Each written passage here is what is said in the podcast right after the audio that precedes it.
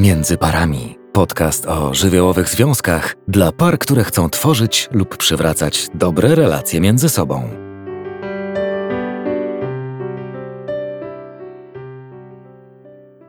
Naturalną ludzką potrzebą jest to, żeby czuć się potrzebnym i akceptowanym. I to bycie potrzebnym i akceptowanym zdobywamy w dzieciństwie. Wtedy, kiedy to nasi rodzice się nami opiekują. Oczywiście w dorosłości i w życiu, kiedy zaczynamy tworzyć relacje, również tego bardzo potrzebujemy. Natomiast cały fundament bycia ważnym i akceptowanym leży gdzieś w dzieciństwie. Ja w dzisiejszym odcinku chcę opowiedzieć o trzech lękach, które sprawiają, że związki mogą się nie udać. Trzech lękach, które wywodzą się z dzieciństwa, a mają ogromny wpływ na budowanie naszych kolejnych relacji nie tylko romantycznych. Mowa o odrzuceniu, o samotności i o zależności, a właściwie o lęku przed odrzuceniem, lęku przed samotnością i lęku przed zależnością. Wszystkie trzy łączą się bardzo ze sobą. Czasem występują jakoś wspólnie. Jednak na potrzeby tego odcinka spróbuję je wyodrębnić i opowiedzieć o nich tak, by można było mieć jasność, jak definiuje się każdy z nich i jak mniej więcej przebiega w relacji. Zaprasza Marita Woźne. Lęk przed skrzywdzeniem jest jedną z najbardziej paraliżujących emocji w kontekście wchodzenia w relacje. I to od niego zaczniemy. Mowa o lęku przed odrzuceniem. Są osoby, które budują zewnętrzne i wewnętrzne mury, aby nikt się do nich nie zbliżył, mimo iż bardzo pragną tych relacji, to jest fenomen, który na terapii jest też czasami trudny do przyjęcia, nawet jak już pracujemy ze sobą bardzo długo i ktoś mówi, czyli co, ja chcę, ale tak naprawdę nie chcę tych relacji? Nie. Właściwie zdanie brzmiałoby mniej więcej tak. Chcę relacji, ale panicznie się ich boję. To są osoby, które boją się zaufać, otworzyć, które budują relacje, zbliżają się, i często, kiedy ta druga osoba również zaczyna chcieć, to one odpuszczają. Albo wyszukują takich cech u tej drugiej osoby, które świadczą o tym, że nie są w stanie się zaangażować, bo na przykład ta osoba jest zbyt wysoka, albo zbyt zainteresowana swoim hobby, albo zbyt pochłonięta zdobywaniem wiedzy, albo zbyt zaangażowana w coś zupełnie innego, w relacje z matką, w relacje ze swoją pracą. A więc paradoksalnie, kiedy są przyjęte przez drugą połowę, zaczynają się wycofywać. Do momentu, kiedy nie są pewni uczuć drugiej strony, angażują się, a później, kiedy dostają to, czego pragną, paraliżuje ich strach i wycofują się z lęku przed odrzuceniem. To są takie momenty, kiedy ktoś mnie pyta, to było wszystko super, Pięknie nam się układało, właściwie nie było żadnej kłótni, początek relacji, mieliśmy przejść do kolejnego etapu i on albo ona znika, nie odzywa się, wycofuje, mówi, że ja nie zasługuję na niego albo na nią i on nie może ze mną być w relacji. Oczywiście ta osoba jest z dużym poczuciem skrzywdzenia, jednak prawdopodobnie ta druga również czuje się skrzywdzona. I trochę to jest taki paradoks, bo dwie osoby chcą być ze sobą, a jednocześnie nie potrafią i wysyłany jest sprzeczny komunikat. I na zasadzie, jak czegoś nie mam, to tego nie stracę, a jak już coś mam, to mogę już to stracić. I żeby tego nie stracić i ochronić się przed tym bólem, to zrezygnuję pierwszy albo pierwsza. I wtedy nie będzie mnie to bolało. To osoby, które wybierają niedostępnych partnerów, partnerki, na przykład osoby zajęte, wdają się w różne romanse, mają rodziny albo mieszkają w odległych zakamarkach ziemi, albo zwyczajnie w osobach, które są nieosiągalne z różnych względów. Oczywiście to nie jest świadomy wybór i te osoby najczęściej będą mówiły, no jakoś tak się dzieje, że zawsze trafiam na zajętych facetów. Albo no niestety takiego mam pecha, że osoby, które mnie interesują, mieszkają na drugim końcu świata.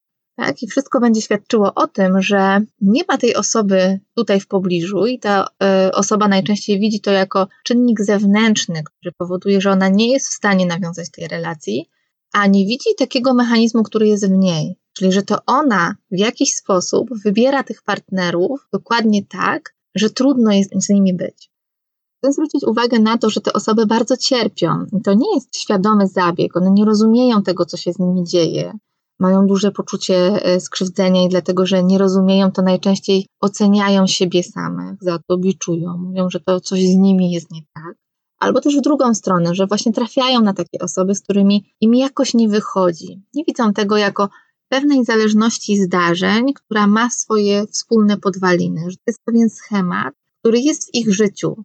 Czasem ten schemat jest trudny do odnalezienia, dlatego że osoby, z którymi się łączą, one nie są identyczne, nie są takie same, nie przejawiają tych samych cech, ale jak się w to zagłębić, to właściwie często tam chodzi o to samo. I zaraz powiem o tym więcej, co ja mam na myśli.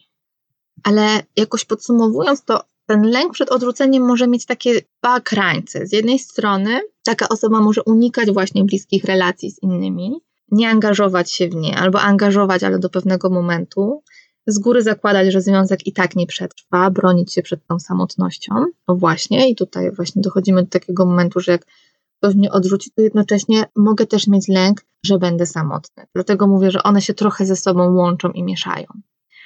I taka osoba nie chce ryzykować odtrącenia, nie daje więc szans innym, także tym, którzy chcieliby się zbliżyć.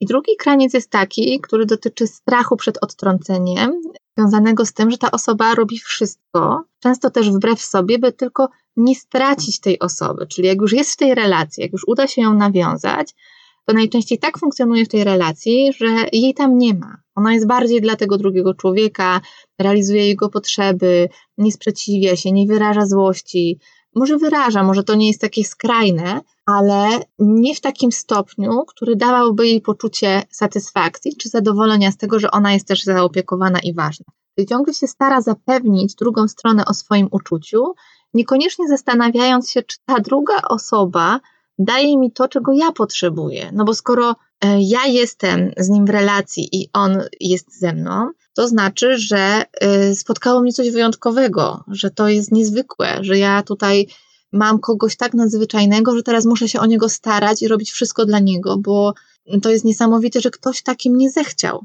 Czyli stawia się w takim ułożeniu założenia gorszym. Czyli ja jestem gorszy, jestem inny i nie zasługuję na tego człowieka, on jest jakoś wyjątkowy i wspaniały nie widzę równości co automatycznie powoduje, że stawiam siebie na gorszej pozycji i ten układ relacji w związku też zaczyna trochę tak przebiegać.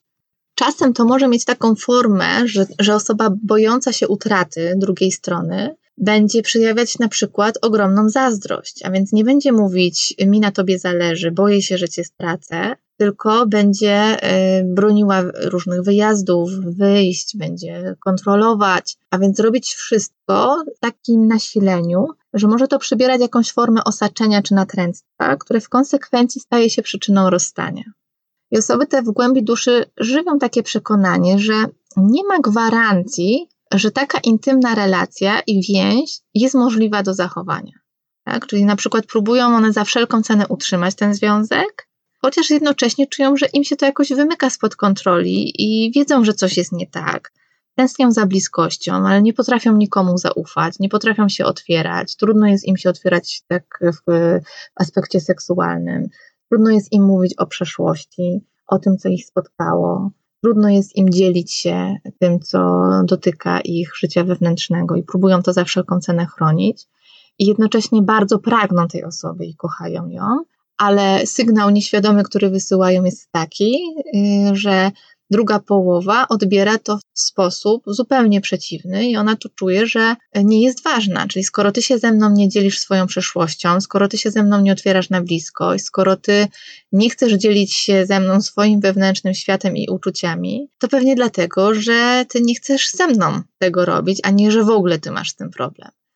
I gdyby pary umiały sobie uświadomić taki kawałek w relacji, że coś takiego się u nich odgrywa, to tego rodzaju rozumienie sprawia, że można być dla siebie łagodniejszym, dla siebie samego, ale też dla siebie nawzajem, bo automatycznie eliminujemy ten kontekst, który jest związany z tym, że obie osoby czują się odrzucone. A tak naprawdę może być i tak, i ja takie pary spotykam w gabinecie, że obie czują się odrzucone, ale jednocześnie obie chcą być w tej relacji i gdyby nie zdecydowały się pewnie na kontakt terapeutyczny, to by ta relacja mogła się rozpaść. I pewnie takich par też jest wiele. I problem właściwie jest taki, że te osoby chcą jakiejś uzdrawiającej relacji, ale jednocześnie nie są w stanie w nią wejść. Natomiast dla zranienia doznawanego w relacjach, taka uzdrawiająca może stać się inna relacja. Dzięki autentycznemu związkowi z drugim człowiekiem uczymy się rozumieć siebie, dawać sobie pocieszenie, prosić pocieszenie innych, ale też o pomoc. I potrzebna jest taka relacja, która będzie inna niż te relacje, które budowaliśmy dotychczas. I często taką relacją jest relacja terapeutyczna. Bo jeżeli ten lęk przed odrzuceniem jest silnie zakorzeniony, to on będzie trudny do wyeliminowania e, z osobą, która się fachowo tym nie zajmuje. Natomiast pewnie niektóre doświadczenia można jakoś korygować sobie z innymi osobami, które zawodowo nie zajmują się pomaganiem, czyli psychoterapią. Ale to nie jest trwałe, bo nie przynosi to trwałej zmiany, bo nie ma takiego korektywnego doświadczenia, że ktoś mnie przyjął z całą moją zawartością i całym złem, które ja w sobie widzę. Dlatego procesy terapeutyczne zwykle są długie. Tak więc wielu osobom ulgę przynosi zrozumienie i zaakceptowanie tego, że są ludźmi podobnymi do innych, którzy pragną i potrzebują bliskości i przeżywają odrzucenie, podobnie jak oni sami. Oni nie są idealni ani odrażający, i że czasem zmiana jest możliwa dzięki poznaniu historii i skrywanych w niej przyczyn stojących za tym lękiem przed odrzuceniem. Mówiąc inaczej, czyli te, kiedy taka para ujawni sobie to, co wewnątrz czuje, a nie będzie posługiwała się tylko przerzucaniem błotem i mówieniem, jaki to ten drugi jest zły i jak on jest winny temu, że relacja nam nie wychodzi, a zaczną mówić o tych wrażliwych swoich częściach, to odkryją takie tereny nieznane względem siebie, że po pierwsze pojawi się na nowo zaciekawienie, może się budować znowu bliskość, mimo tego, że jakaś niepewność też się pojawia i taki strach, że jak się ujawnię ze swoimi wszystkimi wrażliwymi częściami, to nie zostanę z tym przyjętym, ale nie ma innej drogi. Jeżeli ja tego nie ujawnię, to będę żyć ciągle w swoim lęku. I oczywiście nie ma tej gwarancji, że jak ja to ujawnię i powiem o swoich wszystkich wrażliwych częściach, to ktoś mnie przyjmie. Właśnie chodzi o to, żeby to ujawnić i wytrwać w tym, że ten człowiek ma swoje prawa i on nie musi mnie z tym przyjmować. Być może nie jest człowiekiem, z którym ja mogę być, jeżeli buduję relacje, bo to nie ja mam się dostosowywać i dopasowywać do tego drugiego człowieka, ani on do mnie, tylko jakoś mamy spotkać się w połowie tej drogi. Ja nie rezygnuję ze wszystkich swoich cech i potrzeb i pragnień, ale jednocześnie nie oczekuję tego od drugiej strony, bo to zakłada, że ja sama dla siebie jestem ważna i moja druga połówka też jest dla siebie ważna i jakiś kompromis pewnie w niektórych aspektach jest niezbędny.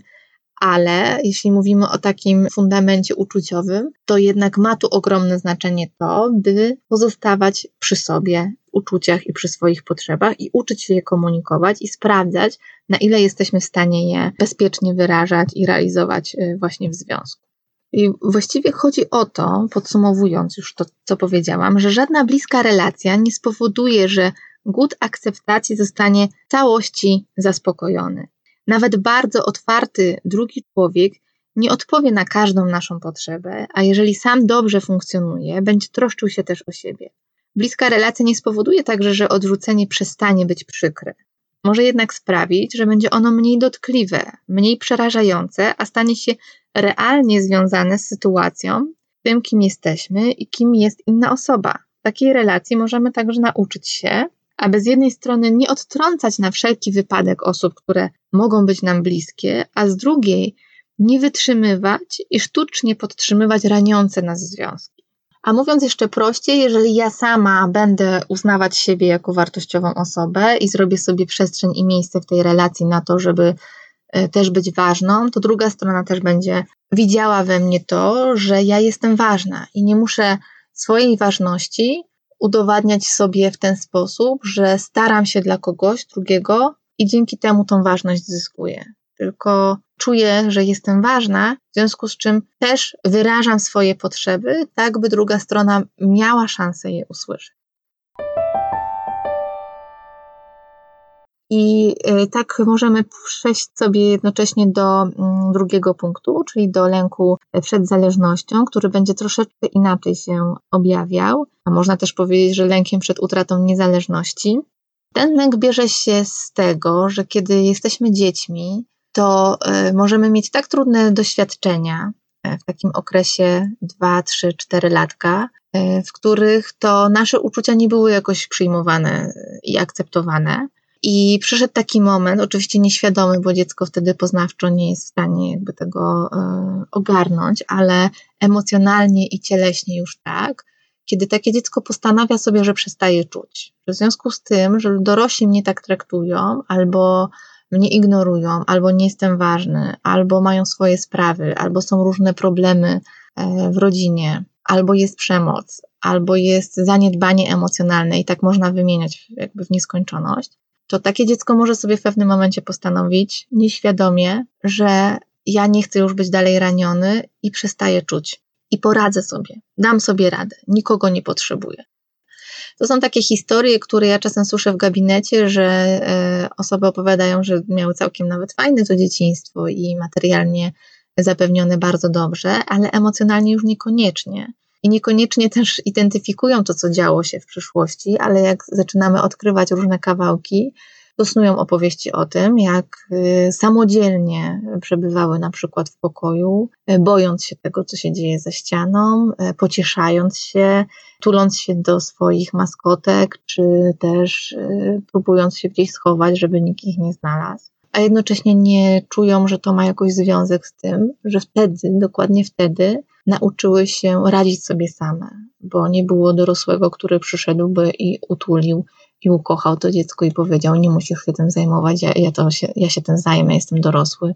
Ty jesteś dzieckiem i możesz się bać i masz prawo czuć to wszystko, co czujesz.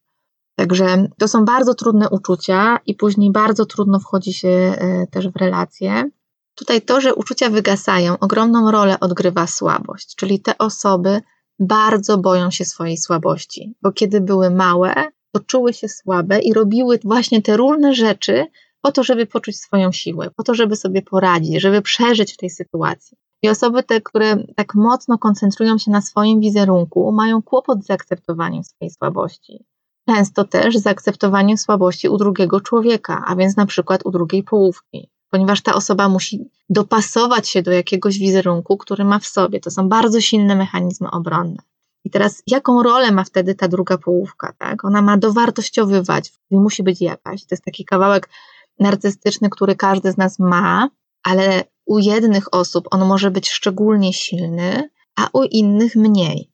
I wtedy, kiedy jest taki silny w relacjach z innymi osobami, bardzo odbija swoje piętno właśnie w ten sposób. Czyli taka postawa być może budzi u innych nawet odrazę, zniesmaczenie, oburzenie, ale tylko przez chwilę do momentu, kiedy zobaczymy, co jest pod spodem. I ja bardzo chcę Wam pokazać, co taka osoba ma za tym swoim murem, który zbudowała, za swoją taką fortecą, czy ja czasem mówię zbroją, którą niesie w życiu i jest widziana tak z pozoru jako opryskliwa, krytyczna, bardzo wymagająca, y, często kontrolująca, często y, niedopuszczająca innych osób do siebie, y, czasem złośliwa, czasem zupełnie niedostępna emocjonalnie, czasem zadufana w sobie, że się wydaje, że ta osoba ma bardzo wysokie poczucie własnej wartości i y, świetnie się ze sobą czuje. No to właśnie chcę udowodnić, że tak nie do końca jest, bo to, co jest wewnątrz, za tym murem, czyli tak się obudowała, żeby nie widzieć, co jest w środku, bo w środku jest i niska samoocena, i duże poczucie niepewności, które musi kompensować poprzez działania właśnie zmierzające do perfekcji, więc często sprawiają takie osoby wrażenie nadzwyczaj pewnych siebie, choć wcale takimi nie są bo w głębi jest bardzo wrażliwa i samotna i opuszczona, i w tym całym dramacie najczęściej o tym nie wie, że to jest pod spodem, albo tak bardzo tego chroni, że nie chce tego widzieć. Bo jak zaczyna rozmawiać z taką osobą i to odkrywać w bezpiecznych warunkach, to ona mówi tak, dokładnie tak jest. Czasem czują przerażenie, że ktoś to widzi i że teraz jak to widzi, to odejdzie, zostawi je, tak? I automatycznie znów mamy połączenie z lękiem przed samotnością i z lękiem przed odrzuceniem. I nie będę wchodzić w zależność, żeby przypadkiem mnie ktoś nie odrzucił, żeby mnie nie zostawił, żebym nie był sam.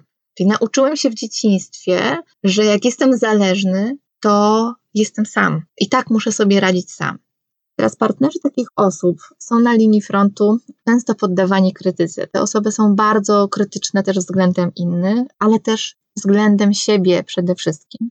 Więc wyszukują słabości innych, chronią się przed swoją słabością nie chcąc widzieć swojego poczucia niż, niższości, widzą je w innych. Jak więc czują się ich partnerzy? Jako niewystarczająco dobre osoby, bezwartościowe, czyli tak jak nie chce się czuć ta osoba, która się z tym nie konfrontuje, to trochę traktuje tą drugą stronę dokładnie w taki sposób. I osób z tą trudnością jest też duża wrażliwość na krytykę, nawet drobną. Czyli trudno takim osobom jest powiedzieć i pokazać, że coś jest nie tak, że coś tutaj jakby nie pasuje. I one e, potrafią się bardzo rozzłościć, ale też widzą tą krytykę jako wielką zadrę na swoim wizerunku, czują się bardzo odrzucone, jakby ktoś je przekreślał w całości. I one naprawdę w przeżyciach czują to jako coś okropnego i przerażającego, dlatego tak bardzo się przed tym bronią. Można więc powiedzieć, że niewiele musi zrobić ta druga strona, aby ta osoba poczuła się odrzucona. To może przybierać też drugą formę, bo od dewaluacji do idealizacji jest bardzo blisko. Mogą więc takie osoby bardzo wychwalać swoich bliskich, rodzinę, dzieci, jednocześnie bardzo szybko potem wpadać w dewaluację. Tam zawsze są skrajności. Jest albo czarne, albo białe. Nie ma szarości. Oczywiście nie zawsze to jest taka demonstracja z wielką pompą. Czasem to jest tak subtelne, tak po cichu, tak intelektualnie, e, że trudno jest do rozpoznania. Jeśli w związku będą dwie takie osoby, to będzie się ten związek opierał na huśtawce emocjonalnej, od namiętności do wzajemnego zranienia.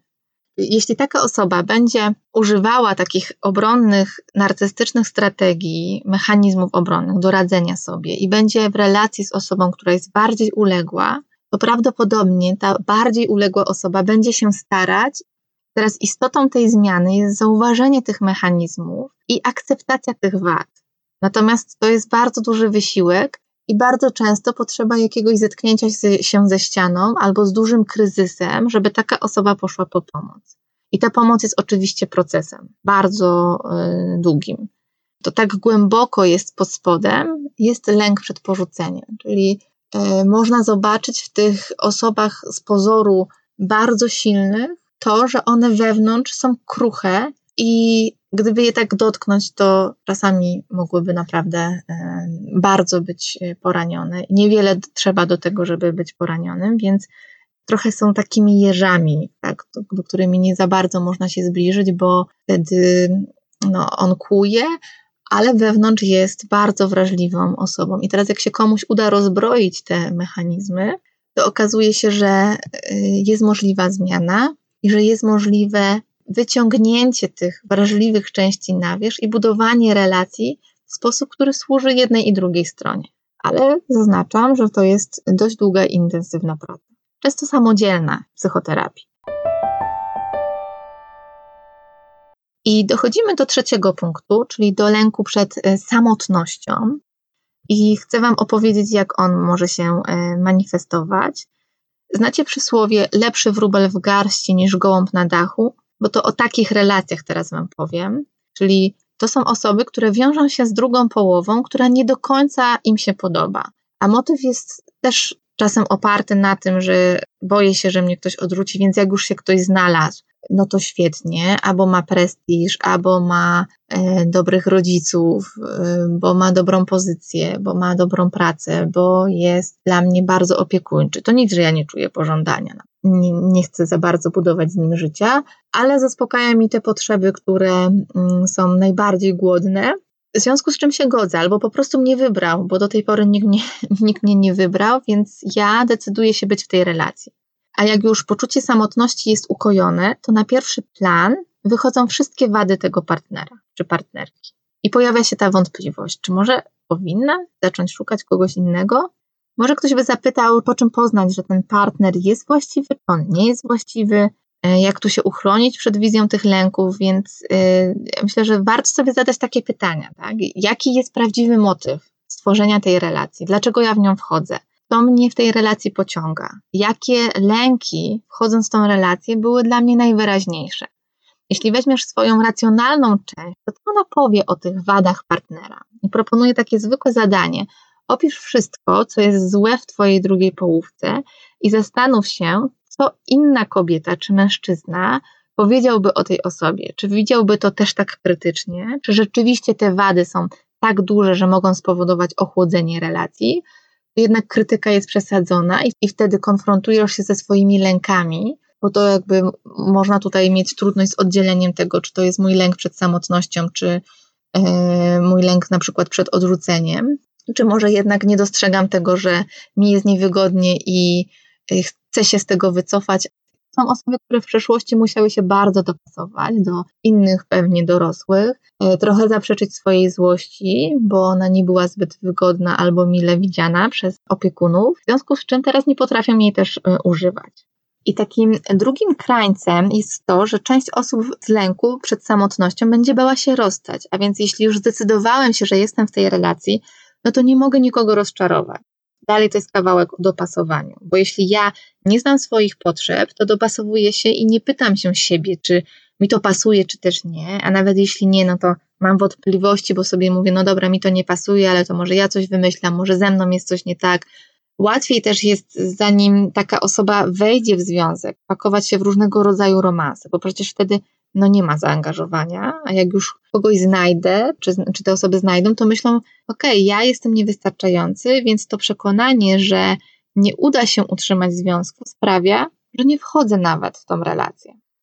Teraz, gdyby jakoś podsumować, co wpływa na wykształcenie się tych niewłaściwych postaw, to mogłabym powiedzieć tak, że odrzucenie dziecka albo taka chroniczna deprywacja jego potrzeb, niekonsekwentne zachowania opiekunów, które powodują, że dziecko właściwie nie jest w stanie wykształcić sobie w swoim umyśle takiego poczucia e, związku pomiędzy własnymi potrzebami a ich zaspokojeniem. E, I nie wiedzą, tak, czy mogą zaspokajać swoje potrzeby, czy nie mogą, czy to jest właściwe czy nie jest właściwe, a czasem mogą, a czasem nie mogą i nie, i nie wiadomo, nie można odgadnąć jakby od czego to zależy, zwykle od nastroju tego opiekuna. Czasem ma to znac ma znaczenie tutaj nadopiekuńczość wobec dziecka, która powoduje, że on nie jest w stanie sam zdecydować, podejmować decyzji, bo rodzice wiedzą lepiej, bo na przykład mama wie lepiej albo tata. Są tak zaopiekowani, że oni nie muszą kontaktować się ze swoimi uczuciami i potrzebami, bo ktoś inny lepiej wie, więc wykształcają taką zależną postawę i potem oczekują, że w przyszłości może być y, właśnie podobnie, że ten partner czy partnerka będą w stanie zaspokajać te potrzeby i będą wiedzieć lepiej niż oni i będą się dopasowywać Oczywiście wychowanie, które polegało na zadowalaniu rodziców, czy byciu grzeczną dziewczynką, czy też chłopcem, gdzie nie było miejsca na wyrażanie złości. To, co też mówiłam wcześniej, a więc życie w takim dostatku materialnym, ale emocjonalnym już nie. Czyli nie było takiej osoby, która powiedziała: Okej, okay, teraz czujesz, że jesteś zły, w porządku, możesz się złościć, ale spróbujmy się zastanowić, jak można to wyrazić tak, żeby nikogo na przykład nie ranić.